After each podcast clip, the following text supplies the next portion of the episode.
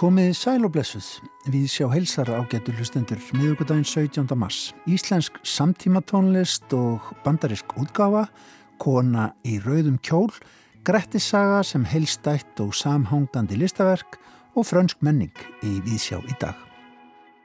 Ritthöfundurinn og myndlistamæðurinn Hallgrímur Helgason var eh, á miðugudag fyrir slettri viku Sendur henni frönsku heiðursorðu lista og bókmynda sem er einn aðsta viðurkenning sem veitir af halvu hins ofinbera í Fraklandi á sviði menningar og lista. Orðan er veitt til að heidra þá sem skara fram úr í list eða bókmyndasköpun jamt í Fraklandi sem annar staðar. Það var sendiherra Frakland sem afhendi Hallgrími orðunað í sendiherra bústað Fraklands já fyrir slettri viku við óskum Hallgrími sem eitt sinni var búsettur í París til hamingi með orðuna í Víðsjá í dag.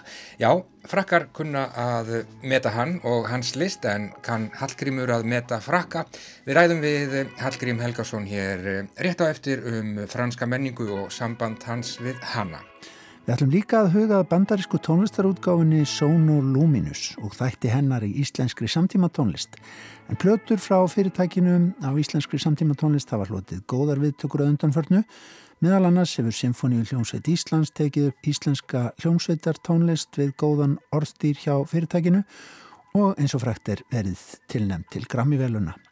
Hljómsveitin býður upp á Grammy-veistlu á tónleikum sínum á fymtudagin.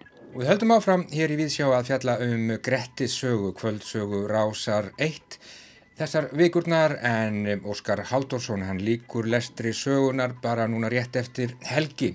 Örnálur Tórsson, sérlegur sérfræðingur þáttarins í sögunni, hann heimsækir viðsjá í fymta og síðasta sinn í dag ætlum við að ræða við Örnólf um Grettissögu sem heilstætt og samhangandi listaverk auk þess sem við beinum sjónum að sögu hetjunni sjálfri Gretti ásmundarsinni. Og við segjum líka frá konu með síkarettu og í rauðu dressi sem að byrtist okkur á plötuumslægi árið 1965 en hefur nú farið yfir móðuna miklu. En við byrjum að gefnu tilipni á svo sem eins og nettum 60 kílóum af hamingjós.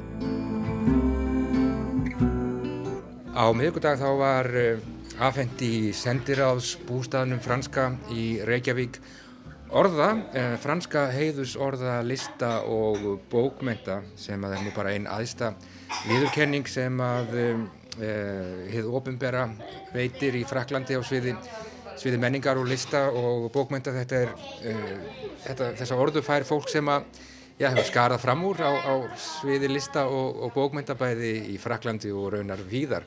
Og það var Hallgrímur Helgason, rítufundur og myndlistamæður sem að tók við þessari viðurkenningu á miðugudag til hamingju hjartanlega Hallgrímur Messi beaucoup, það er bara Messi mille fois. Herði, ég bóðaði þið nú bara hinga nýra á mokka, mér veist það einhvern veginn við, við hæfi en ég er náttúrulega að rýfa þið frá skrifbórninu. Já, já, maður reyna að klára bók fyrir haustið. Já, framhald af sólskinni. Já, það er 60 kíló viðbútt. Já. Ekki af sólskinni, einhver öðru sko. Einhver öðru, tungskinni. já, góð hugmynd. Þannig að við það. Ég er búin að leita tillinu lengi. Já. Herðu, sko, Frakland, þú bjóst í París fyrir, fyrir löngu síðan, þú hérna, uh, það greinilega að frakkar kunna að, meta þig og, og þína, þína listsköpun, þínar bækur hafa komið út í Fraklandi, þú hefur þýtt til dæmis Molière, þannig að þú hefur ákveðin tengsl við, við svona franska menningu. Já, frakkar þeir kunna að meta þig, en, en kann þú að meta frakka? Bæði og myndi ég segja, ég hef átt í svona ástættur sambandi við frakka og Frakland og franska menningu gennum tíðina. Mm -hmm en ég finn alveg að þessi orða er að gera mikið fyrir sambandið sko og til þannig að ég er ég verði nú að segja að þetta kom mér alveg í ofna sköldu sko, Já. ég átti ekki vona á þessu ég hef nú ekki verið eh, bækunar mín hafa ekkert gengið sérstaklega vel í Fraklandi sko Nei.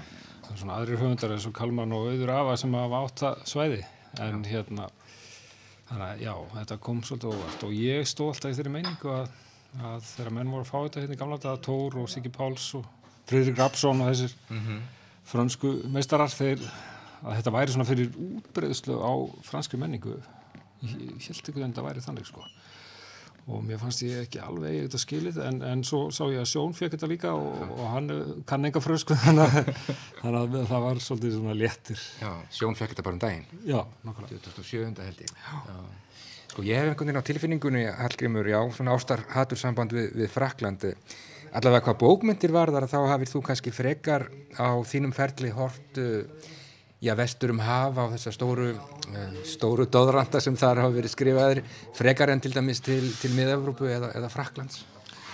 Já, en samt sko, í byrjun, þá byrjaði ég sko, fyrsta svona stóra heimsbókmyndaklassikin sem ég komst í, í var hérna Madame Bovary sem, eftir Flaubert. Mm -hmm. og hún hafði gríðilega áhrif, áhrif á mig sko, þetta sé kalda læknisfræðilega nálgun á, á lífið og, og svona ég, og síðan var sko líka Marcel Duchamp sem var uh, myndlistamæður, hann hafði mikil áhrif á, á mig sem myndlistamann og Stóra gleriðans uh, fór ég í gegnum og var í mörg ára pæli í. Og ég, ég nú skrifa um þetta í bókinni Sjóvíkur um Munhjan, uh, samband mitt við Stóra glerið. Þannig að þessi tvö verk voru svolítið svona líkilverk í byrjun míns ferils. Og, og svo var náttúrulega mjög ánulegt að komast að því að þau eru nú bara úr sömu sveit í Fraklandi, í litlum hreppi hann í Normandi því að Duchamp er fættur bara í næsta þorpi við við þið fiksjónala Jónvils það sem, sem Bóvar í bjói sko, ja. það, og þeir eru grafnir í sama kirkigarðinum í Rúðuborg sko, Flóber og Duchamp þannig að það er svona skemmtilegt að komast að því en, en hérna já, ég skrifaði fyrstu bókina mína sem heitir Hella og hún er eiginlega undir miklum áhrifum af þessum tveimur verkum, myndi ég segja Já, aðteglisvert, en þeir sem sagt nágrannar Duchamp og, og Flóber, mm. kann man hugsa til þess, en hérna Sko frakkar þeir eru náttúrulega bara heimsmeistarar í bókmyndum, ég heldur eigi sko 15 Nobel-sölun að hafa eitthvað slíkt sko og tveir síðustu, það er bara 2008 held ég, Le Clésio og 2014 ef mann rétt, Patrick Modiano þannig að, þannig að þeir eru svo bókmyndirnar einhvern veginn heima í Fraklandi. Já, og listirna bara almennt sko, líka myndlistinn og þetta var náttúrulega bara höf, höfuborg heimsins fram, fram að setja heimstjóröld í myndlist, Picasso, Van Gogh og allir mestararnir voru aðra þó þið væri ekki frakkar sko og sama með bókmyndirnar. Þetta er náttúrulega ótrúlega, ótrúlega, ótrúlega gjöfult land upp á það að gera. Og svo 19. aldin sem var náttúrulega bara svolítið mikið fransk líka sko. Já, Balzac og Stendhal Já, og Hugo sem ég uppgötaði fyrir tíu árum. Ég var bara að lappa í Paris og sá einhverja mynd í glugga og það var málverk sem Hugo hefði gert. 12 ára gammal sko og þá uppgötu ég það að hann gerði mikið að, eh, myndlistaverkum 3000 myndir til eftir hann og svo fór ég að hérna, ég var með einhverja fordómagangartónu sko. En ég fór að lesa hann að vesalingana og, og komst að því að það var kannski svona svo bók sem, að, sem ég verið sýpnastur af svona ja. besta skálsa sem ég lesið.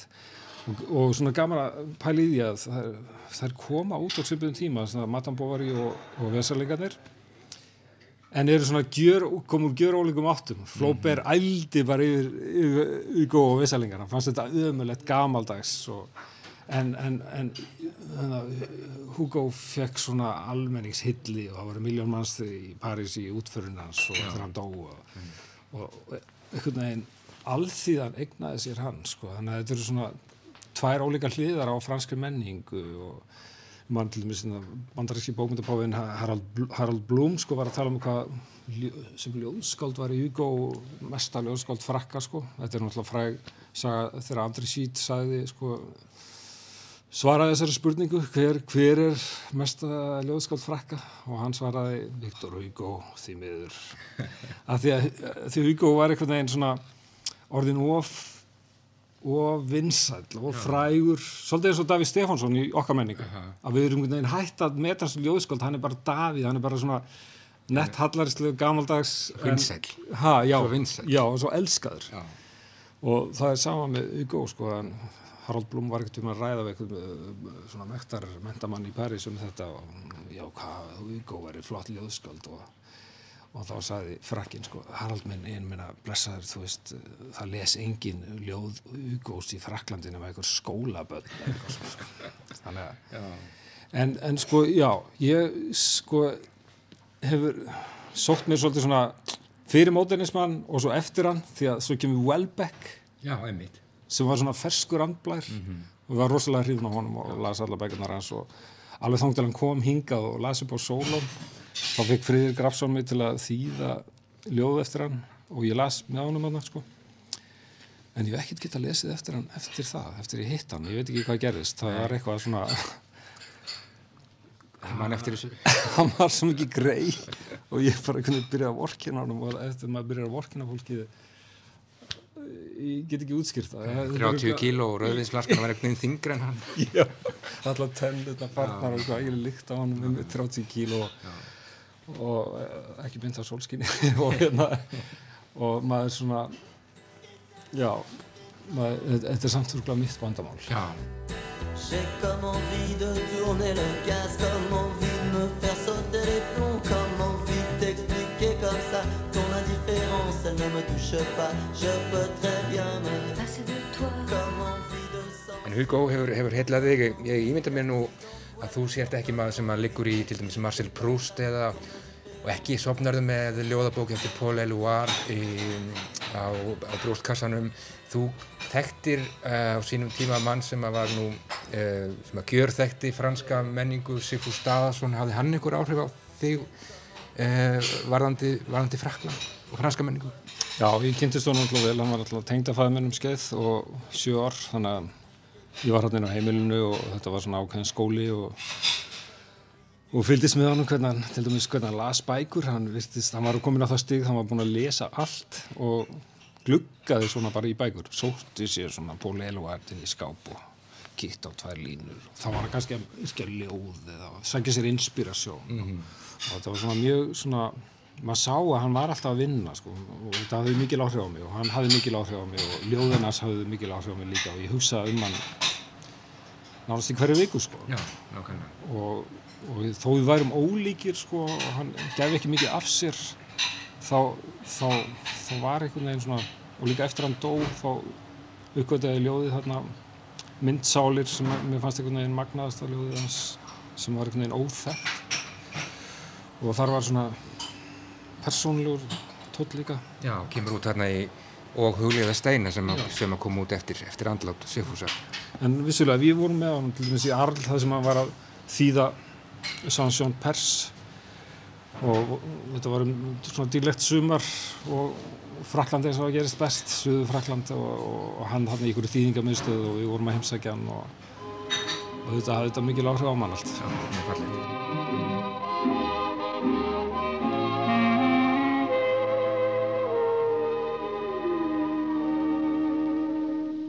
Um, sko frakkar, þeir kunna að þakka fyrir sig á, á sviði menningar og þeir náttúrulega eru snillingar í því einhvern veginn að, að halda utan um sína menningu, sitt tungumál. Um, hvernig þakkaðir þú fyrir þig í, í sendið herra bústæðanum á, á miðgudag? Þú talaði frönsku. Já, mér fannst ég þurfa að tala fransku sko ég, ég fannst nú franska mín ekki nógu góð sko en, en hérna, ég held að þessi orða muni hafa mikil, og góð áhrif á hana til, bet, til þess betri vegar Já. og kannski er þetta líka kvartning þeir hugsa þetta þannig að maður nú getur ekki annað en hugsa mjög fallega til Fraklands og, og kannski mun maður verða fyrir ennþá meiri áhrifum af franska menningu í kjölfarið sko. og þe- hann sagði það, þetta er líka svona þetta er svona til að peppa þá sem að þekkja franska menningu og, og já, ég þakka bara fyrir mig að ræða á fransku en því miður skildi það enginn nema að sendi þér hann það voru ekki, ekki svo margir frakkar þetta í bústæðunum en, en það var gaman og en kallaði það strangar æfingar af því ég vildi hafa þetta svona semilega rétt og svona Já, já. Þetta er greinilega farið að hafa áhrif á þig, Hallgrímur. Ég segi ekki að þetta stýðir til höfuðs, en það fyrsta sem þú gerðir þegar þú gerst hérna inn á mokka án var að sletta frönsku. Já, mér fannst að við hæfi þetta er náttúrulega heimavöllur, Sigfúsar og já, elsta kaffihús í Reykjavík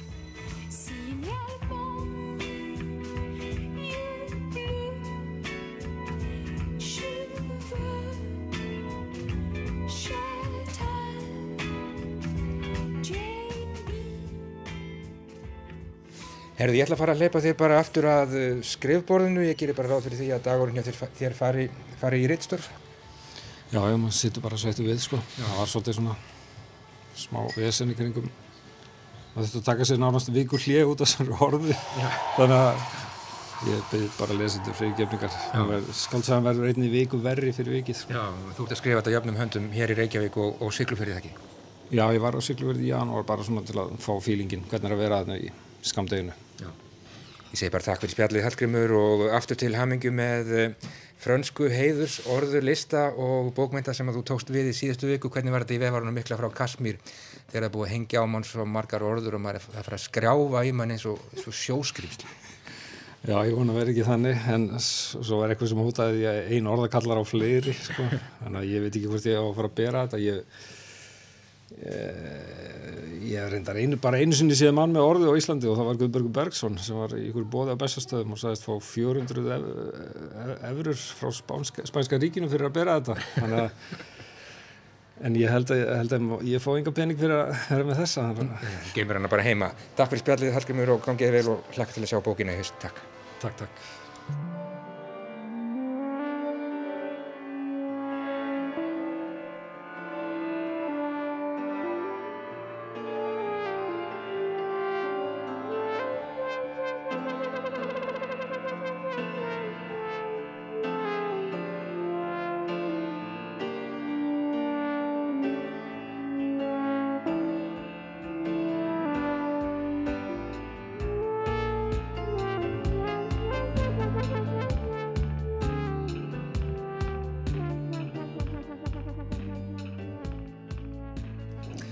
Franskir tónar á eftir frönsku spjalli hljómsveitin er. Hallgrímur Helgason, hann var á dögunum semdur henni frönsku heiðurs orðu lista og bókmynda einni aðstu viðurkenningu sem veitir af halvu hins ofinbera í Fraklandi á sviði menningar og lista. Hallgrímur að vonum kampakátur á mokka í hádeginu og já, það fyrsta sem hann gerði þegar hann gekk inn í kaffihúsið var einfallega að sletta á frönsku. En frá Fraklandi förum við vestur um haf, þar var einu sinni kona í rauðum kjól. Við horfum augljóslega í gegnum eitthvað, einhvers konar fyrirstöðu. Kanski horfum við í gegnum skráargat, kannski í gegnum einhvers konar sjóngler eða prisma. Allavega er sjónsvið okkar takmarkað og við horfum á ungt fólk sem er að horfa beint tilbaka á okkur. Augnaráðin eru stingandi. Í forgrunni myndarinnar er ungur maður með mikið krullað hár, í svörtum jakka og hvítri skirtu, en fyrir aftanan hallar sér aftur í hægindastól dökkhærð kona með slegið hár í rauðum ból og rauðum víðum buksum. Hún heldur í hægri hendi á síkarettu sem vísar upp í loft. Í kringum unga fólkið liggja plötu um slög á víð og dreif og tímaritt. Fyrir aftan konuna er feikistór arinn og jú, við erum að gömgæfa eitthvert frægasta plötu umslag rocksögunar. John is in the basement mixing up the medicine. I'm on the pavement thinking about the government. The man in a trench coat badge out laid off says he's got a bad cough, wants to get it paid off. Look out, kid, it's something you did. God knows when, but you're doing it again. You better duck down the alleyway looking for a new friend. The man in a coonskin cap in a pig pen wants $11 bills. You only got 10. Frettir hafa borist að því, síðustu dag, að látin væri vestur í bandaríkjurum Sally Ann Grossman, mótel og fyrrum eiginkona tónlistarmókulsins Albert Grossman, sem eitt sinn var jú umbúðsmaður Bob Stillan og Sally er einmitt konan í rauðadressinu með síkaretuna, framann á meistarverkinu Bringing It All Back Home frá 1965. Sangvann sumum æfisagnareiturum tónlistamannsins var Sally örlagavaldur í lífið til lands að því leiti að Hún á að hafa kynntan fyrir fyrstu eiginkonu sinni, Söru, sem hann átti eftir að syngja ófá lögin til á þessum árum. Sally Grossman var fætt á Manhattan eigu og þekkti því borgina inn og út, ekki síst þjóðlega tónlistarsennina sem að Dylan kom síðar inn í, í Greenwich Village hverfinu. Eftir að bóndi hennar Al Grossman lést árið 1986 tók hún við útgáfu fyrirtækinu þeirra Beersville Records sem að Al hafði stopnað árið 1970. En á þessu dulafulla plötuumslægi frá 1965 mun Sally Grossman áfram halla sér aftur í sínu eldröða dressi. Myndin var til eftir að Dylan hafi dvalið á heimili Grossman hjónana nærri Woodstock í New York fylki sumar langt við að semja tónlist sína. Síðar sagði hún einfallega ég var aðna bara og Bob bað mig um þetta. Hún sagði að hún hefði aldrei klæðst aftur rauða dressinu en viðkendi að það væri magnað að hafa verið á plötu umslægi sem fólk myndi eftir 30 árum síðar. Nú eru þetta liðin fleiri ár og við erum enn að tala um myndina. Og auðvitað er búið að greina þessa mynd sem að maður að nafni Daniel Kramer tók og alveg í smæstu einingar. Hvernig hort er í gegnum eitthvað, kannski skráargat, þótti gefa til kynna að þarna byggðist sjálfgæf insýn í persónlegt líf tónlistamannsins. Fyrir löngu er búið að finna út hvaða plötur það eru sem að liggja á borðinu á milli þeirra Dillans og Grossmann. Þarna er vist bluesgítarleikarin Robert Johnson, The Impressions, Lotte Lenja sem var söngkona og eiginkona Kurt Svæl, þjóðlega söngvarinn Erik von Schmidt og einn plata frá Dillan sjálfum, Another Side. Þarna er líka eintak af Time tímaritinu og merki fyrir kjarnorku skíli. Þarna var ekki langt liðið frá kúpudeilunni. Og auðvitað vissi Dillan hvað hann var að gera. Við skulum gefa einum æfisegnarritarnum David Dalton orðið þar sem að fjallar um umslag blötunar. Dillan var að byggja okkur um að lesa í myndina. Hann kýtlaði okkur með persónleiri insýn í lífsitt. Hvað áttum við að hugsa? Hver var þessi fallega kona? Hver voru tengslinn og millið þeirra tvekja? Og af hverju hjælt Dillan á persneskum ketti? Þetta var vist kötturinn hennar Sally Grossman. Sumir eru enn að spá í umslægið en Sally Grossman, konan í rauða buksnadressinu með síkarettuna upp í loft er látin. Hún hjælt viðskiptum einmann síns heitins á lífi fram á 2001. öldina en lest í síðustu viku á heimili sínu næri útstokk. Hún verður áfram í rauðu buksnadraktinni með síkarettuna þarna á þessari mynd og áfram horfum við í gegnum skráargatið og hugsum okkar. You must leave now, take what you need, you think will last. But whatever you wish to keep, you better grab it fast. He understands your orphan with his gun. Crying like a fire in the sun. Look out, the saints are coming through. And it's all over now, baby blue. The highway is for gamblers, better use your sense. Take what you have gathered from coincidence. The empty handed painter from your streets is drawing crazy patterns on your sheets. The sky too is folding under you. And it's all over now, baby blue. All your seasick sailors, they're all rowing home.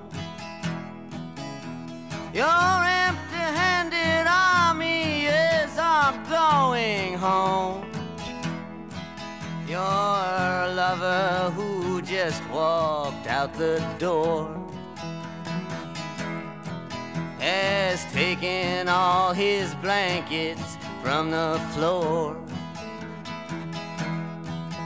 The carpet too is moving under you.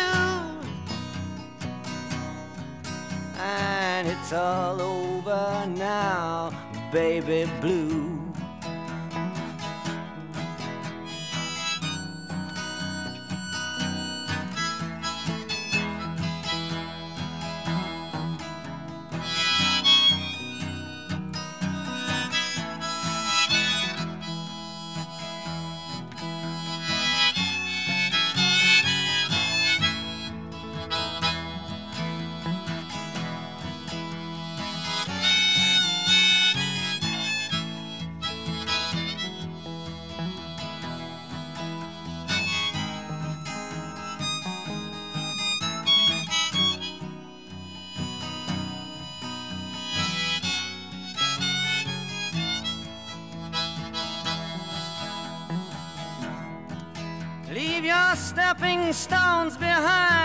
Something that calls for you.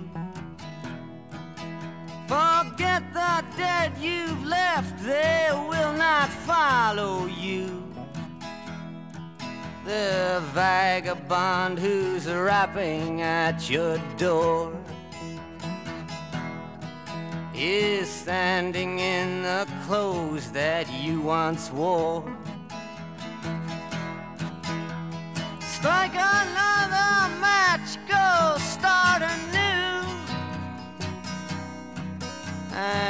it's all over now, baby blue.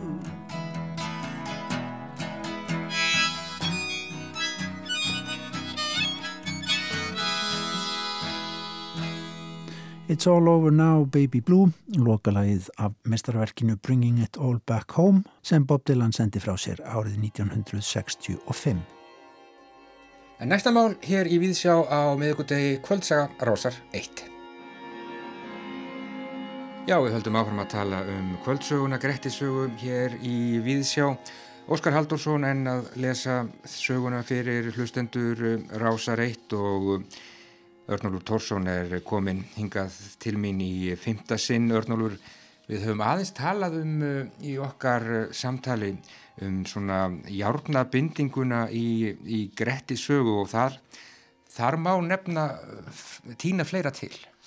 Það má sannarlega og, og að því þú nefndi nú henn góða lesara Óskar Haldursson þá vil ég ítrykka að hvetja fólk til að skoða hans að góðu greinar um, um, um þjóðfræðaefnið mm -hmm í sögunni sem ætti að vera aðgengilegar með leitarvilum en það er rétt að ég hef svona staldradaldi við endur bindi efnið í sögunni það sem mér hefur fundist tengja saman ólíka hluta hennar því ég er þeirra skoðunar að hún sé sannarlega heildstætt og samhangandi listaverk en ekki, ekki sem samsuða frá ólíkum tímum Ég er þeirra skoðunar að við eigum að líta þannig á þau verk sem að okkur eru færið frá miðaldum að við eigum að skoða þau eins og þau eru varðveitt en ekki reyna að búta þau sundur og, og finna einhverja geimsteina uh, gamla í þeim. Nei. En já, ég hef svona, það mætti kannski taka dæmi af, af uh, fótum, byrja á því. Í, sagan hefst á því að langafi Grettis er kynntur uh, pappi hans var ófögur sem kallaði var burlufótur eða bullufótur. Og hann var svonur mann sem að var beitill. Beitill gæti þýtt hestreður eða getnaðalimur burlufótur eða bullufótur er kannski klumpufótur Hér er semst fætur sem koma við sögu hjá forfeðrum önundar og önundur missi svo fót sinn og verður einfættur og, og Grettir á endanum fær fótarmein sem að dregur hann tilbaka mm -hmm. og nú ef að fætur eru einhvers konar leðastef þá er beitillin það líka. Við höfum ekki talað um, um Grettirs færslu Uh, sem að uh, fylgir sögun í einu handriti og, og er klámfengin gamanbragur sem að uh, munkar skófu upp einhver tíman en, en Ólafur Haldásson að mikilli elju las á löngum tíma undir sterkum glerjum og sterkum ljósum. Þetta er sem sagt gamanbragur sem að sagan segir að hafi verið settur saman um viðurregn Grettis og vestfískra smábænda sem ætlaði að hengja hann en komist ekki til þess að því að Þorbjörg Digra, eh, badnabatni Egil Skalla Grímssonar, hún bjargað honum. Ólafur heldur að þessi, þetta hvæði hafi verið notað í einhvers konar karnivalískum vissluleik sem að gæti átt fornar rætur í frjósemi stýrkun og eh, Grettir kvæðisins er þá getnaðalimur af skeppnu sem hefur verið eins og Ólafur segin látið fara með bekkjum í visslu um leið og kvæðið hefur verið sungið og sagt fram.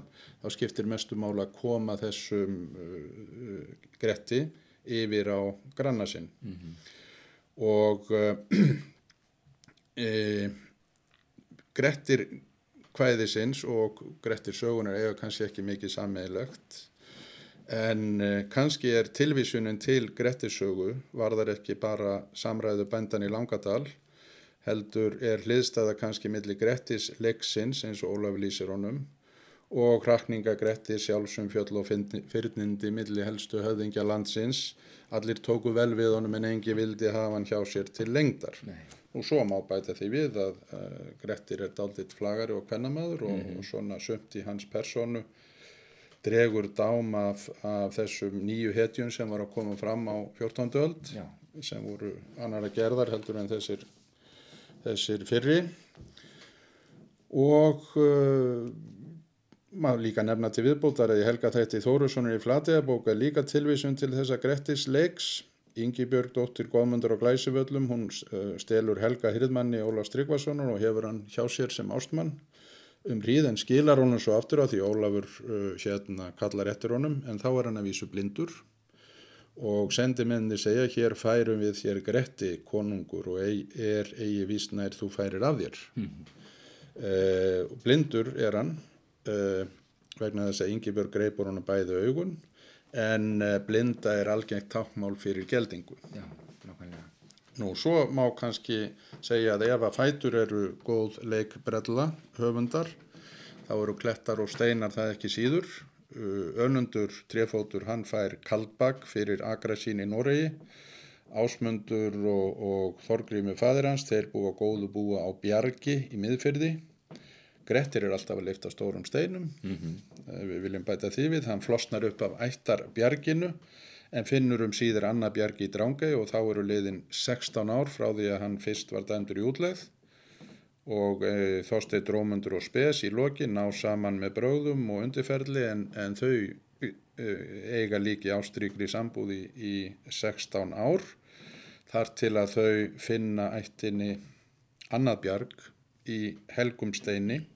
Þannig að sagan er sem sagt fer, ferðarsaga í þessum skilningi úr heiðinu bergi e, þar sem að vígamaður er eðlilegur hluti af samfélagi og útverður um harmsögu Grettis frá Bjargi inn í Helgan stein þeirra spesar og þorsteins strómundar. Já, En e, við kannski getum ekki kalla lífsögu Grettis beinlínis harmsögu. Nei, uh, og ekki er hann þó að sagan kallist á við kristilegar bókmentir þá er hann ekki sannarlega ekki dýrlingur en sagan tekur það þó fram að hann lifi kristilegu lífi. Það er til dæmis sagt að hann, hann hafi fastað í Þóristal þegar hann var þa þar á valdi jötunsins.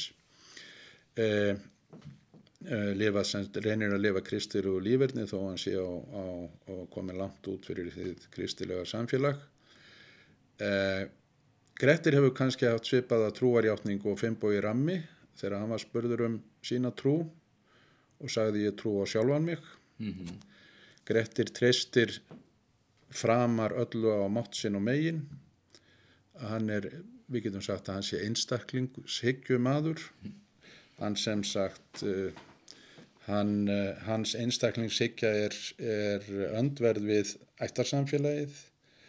Hans uh, þrautaganga er sannarlega á mörgum siðmenningarinnar. Uh, við getum sagt að hans glæpur sé ofdrambið, hann gægist inn fyrir gáttir annars heims uh, í glíminu við glám og hann á aldrei aftur kvæmt í, í heim manna nema sem einhvers konar vættur sjálfur og undir lokin er hann farin að líkjast helst þeim minnvættum, hugbúum og draugum sem hann eitti æfisinni að berja á.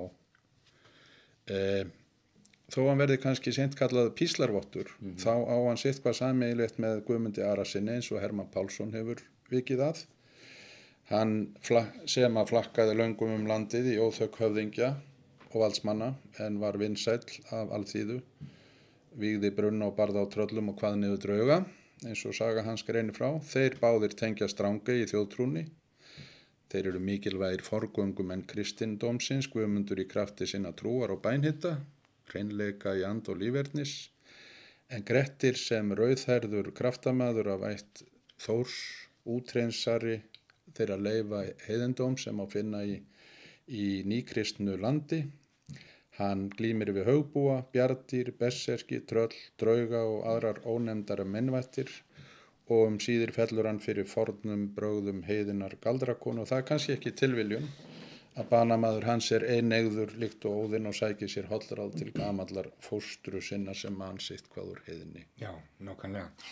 Sko Grettir, hann hafði þetta allt, hann var sterkur, hann var skáld og hann var myndalegur á velli en já, við höfum að draga einhvern lærdóm af Grettir sögu, þannig kannski barnalegt að fara að sjóða þetta niður en eh, já, á einum staði sögunni segir að það ekki sittir hvað, sittir hvort gæfa eða gjörfileikur. leikur. Já, nú eins og þú segir sjálfur þá er erfitt að sjóða uh, sem sagt uh, bóðskap greftisögu niður í eitthvað eitt. En, uh, en það er eins og, eins og með aðrar hetjur sagnan að þeir, þær fá engunir í, í upphafi sinnar göngu og svo eins og þeim séu sköpuð örlög og þó það reyna að brjótast undan þessum örlögum um, þá geta þær það ekki því eins og Grettir segir, engin maður skapar sig sjálfur. Nákvæmlega og talandi um rauðherðan kraftamann, tunglið földum, opinn skemmu skjá, skímu sló á hlemmi láað vegg, rauður haus með rótið skegg og glemt rifið auga, salti brent og skurð sverðs í eira. Þannig orti Hannes Pétursson á sínum tíma um, um Gretti. Já, já, snildar kvæði, Já, snildar kvæði og það er reyndar eitt sem við hefum ekki talað um hvað Grettir hefur, hefur kveikt neista í mörgum á okkur andvegi skaldum, Mattias náttúrulega, uh, hans mikla kvæði. Og Hannes hefur orrt, uh, ef ekki einu sinni þá tvísvar held ég um, um, um Gretti. Þetta er saga sem hefur lifað lengi með okkur og hún mun lifa lengi með okkur, Örnur Tórsson, það hefur verið reglulega gaman að fá þig í heimsókn og tala við þig um uh, Grettisögu. Uh, ég veit að þú ert að svona, hefja, hefja nýjan kabla í þínu lífi hætta hér uh, sem fórsetarítari uh, á sólegargötunni í miðborg Reykjavíkur, bara svona alveg í lokin og er ekki bara svolítið gaman að dusta rikki af, af Grettisögu og, og liggur ekki beint við að fara bara að grúska. Það er bara mjög fallið að gera styrriku minn að draga embætsmann upp úr sinni hólu og fá hann til að hugsa hugsanir sem hann hugsaði fyrir mjög lungu síðan og, og ég hlakka til þess, þess að, að kannski geta fengist aftur við, við þessi viðfónsefni sem ég eitti nokkrum árum í fyrir lungu síðan að hugsa um. Takk fyrir það og takk fyrir mig og gangið allt í hæginn takk. Takk sem leðis.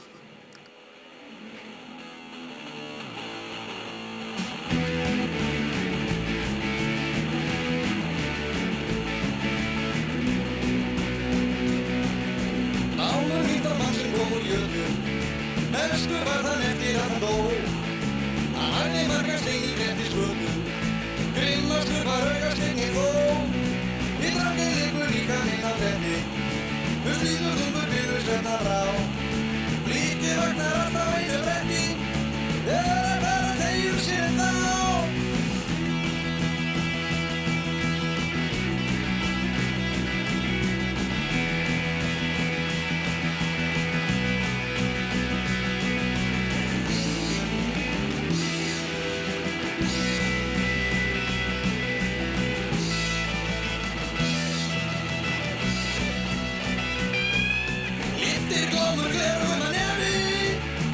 verður undir einhver þar Svo rættur að hann heldur varna skeri Hefur varna talfæri úr stað.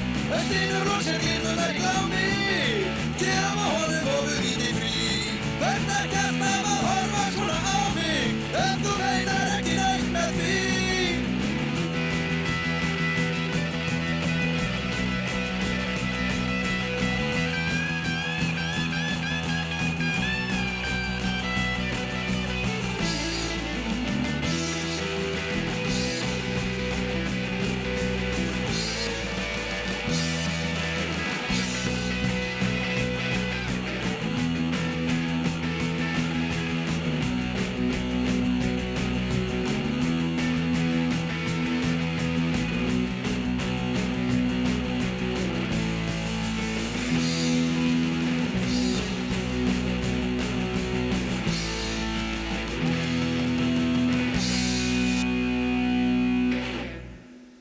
Já, Örnúlfur Tórsson, Grettisaga sem samhangandi listaverk Örnúlfur hefur heimsótt okkur undanfarnar vikur og um, frætt okkur um söguna, þetta var fymta og síðasta heimsóknin og um, við þökkum Örnúlfi að sjálfsögðu kærlega fyrir hans góða framlag og fyrir allan fróðleikin sem var eins og við mótti búast vel fram reytur. Við höfum haft það fyrir síð að spila brot úr læginu Grettir og Glámur með Bubba Mortens á eftir samtölum okkar við Örnólf. Lag að sjálfsögðu tekið af plötunni klassísku Ísbjarnarblús frá árunnu 1980 lag sem Bubbi gerði við snildarljóð eftir Þórarinn Eldjórn. Óskar Haldarsson, hann les eh, 19. lestur Grettisögu í kvöld, lesturinn hefst stundvislega klukkan 21.30 klukkan hálf tíu en eh, Lestri sögunar, honum líkur eftir helgi mánudagskvöldi 21. mars, þá les Óskar sögu log. Og þá er ekkert annað að gera en að ræsa lestur á næstu kvöldsögu hér á Ráseitt og hún er ekki síðri en Grettisaga. Hreint ekki tilheyrir sömu bókmyndagrein Íslendinga sögum það sjálf Eirbyggja. Lestur þeirra sögu hefst á þriðudagskvöld, það er Helgi Hjörvar sem les upptaka frá árinu 1961 sem frumflutt var árið 1962.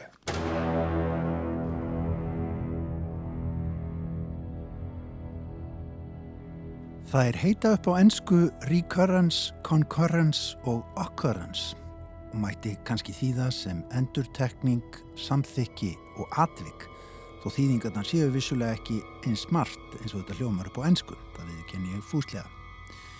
En ég er að tala um þrjár plötur, þrjá diska, heila öllu heldur, sem komið hafa út frá árinu 2017 með leik Symfóníu hljómsveitar Íslands á nýri íslenskri hljómsveitartónlist undir stjórn Daniels Bjarnasonar. Plöturnar koma vissulega út líka á streymisveitum. Fyrst var það Atvik á Currens árið 2017, síðan Samþykki árið 2019 og loks Endurtekningin, Recurrence nú í ár.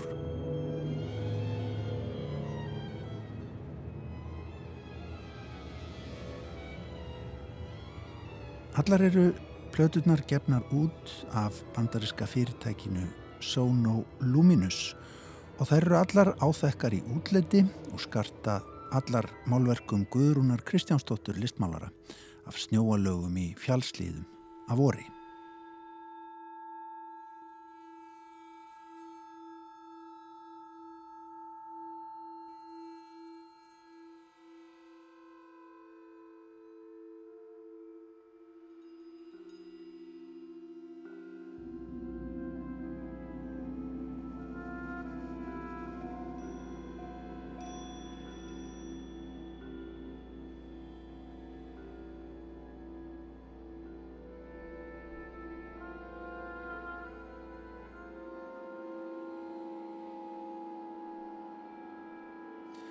Já, allar eru plöturnar teknar upp og gefnar út á vegum þessara bandarísku tónlistarútgáðu, Sono Luminous. En útgáðan hefur verið vaksandi fyrirtæki á undanförnum árum í heimi samtíman tónlistar. Fyrirtækið á rættur að rekja aftur til ásins 1995 þegar það var stopnað af Sandy Lerner og Leonard Bosak sem þá voru hjón og hafðuðu saman stopnað um miðjan nýjunda áratvín tölvu fyrirtækið Cisco Systems vestur í Silikondalnum.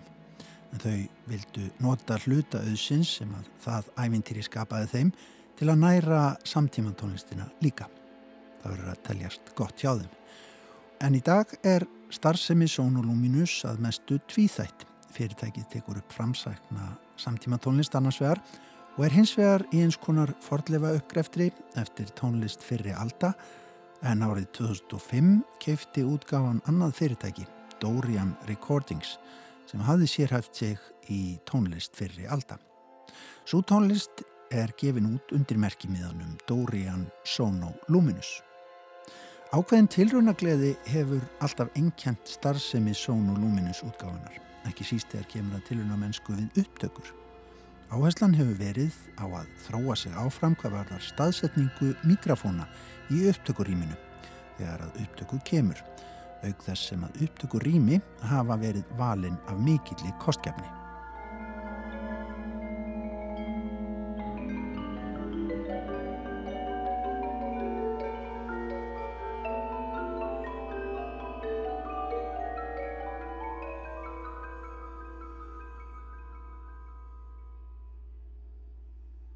Gaman að segja frá því að allar hafa plöturnar þrjár verið teknar upp í norðurljósum í hörpu og Sinfoníu hljómsveit Íslands þá verið raðað upp í eins konar ring með Daniel Bjarnason hljómsveitastjóra í miðju sveitarinnar.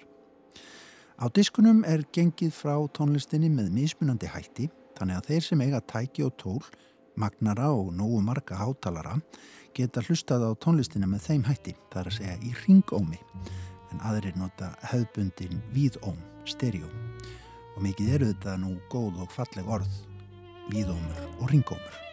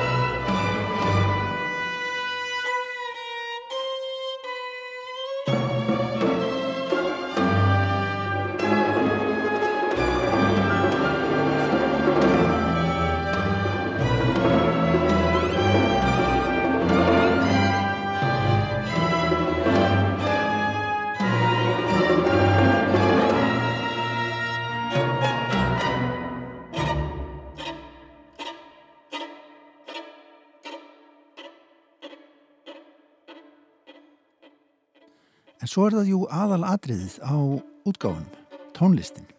Plöturnar hafa að geima rjóman af íslenskri hljómsveitartónlist undanfærina ára.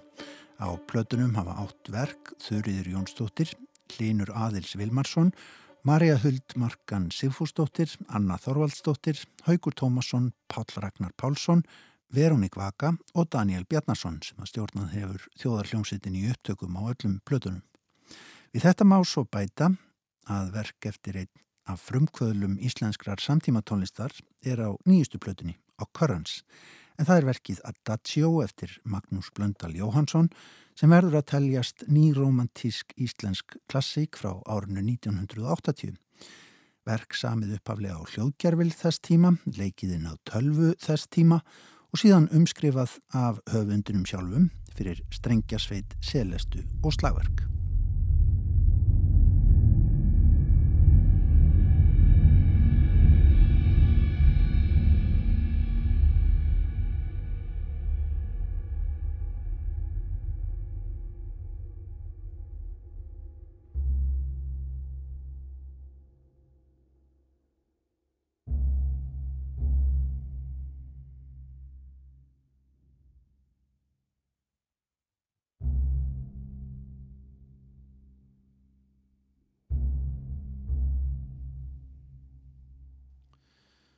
Einleikarar á plötunum þremur hafa verið Víkingur Heiðar Ólafsson, píjónuleikari, Sæjun Þorstensdóttir, selvoleikari og á nýjustu plötunni flautuleikarin Mario Koroli og finski fyrirleikarin Pekka Kusistó sem að kemur einmitt fram í fyrirlukonserti Daniel Bjarnasonar á tónleikum Symfóníu hljómsveitar Ísland sem haldnir verða í hörpun og á 50. skvöldið.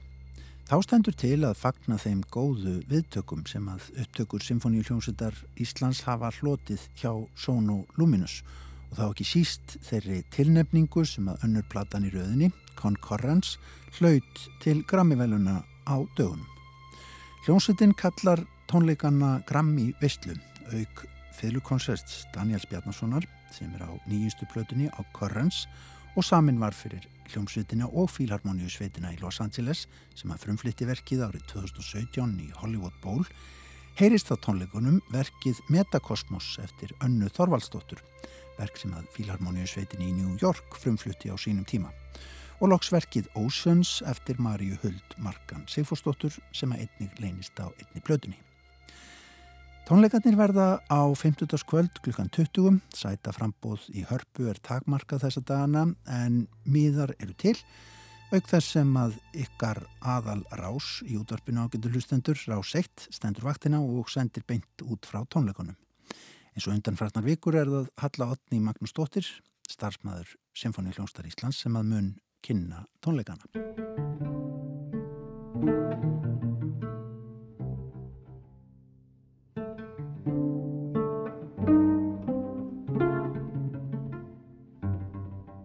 En aftur að útgáfu fyrirtækinu Sono Luminous og hlutverki þess í íslenskri samtímatónlist í dag.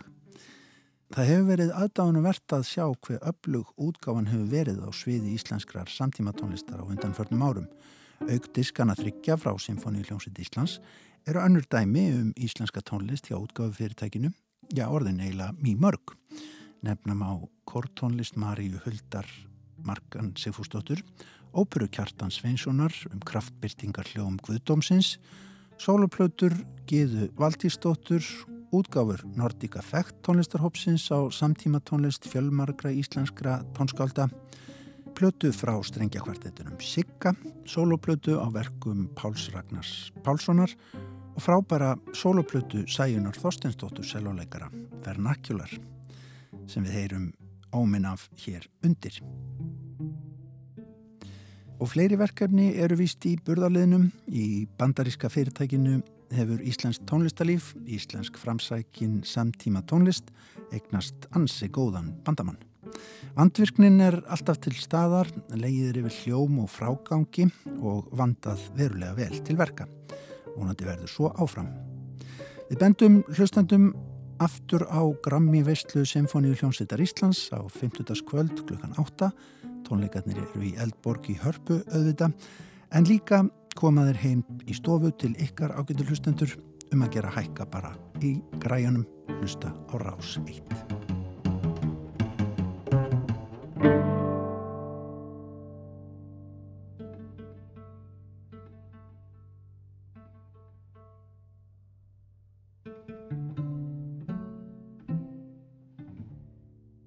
Nókri tónar þarna af plötunni Vernacular með sæjunni Þorsteinsdóttur.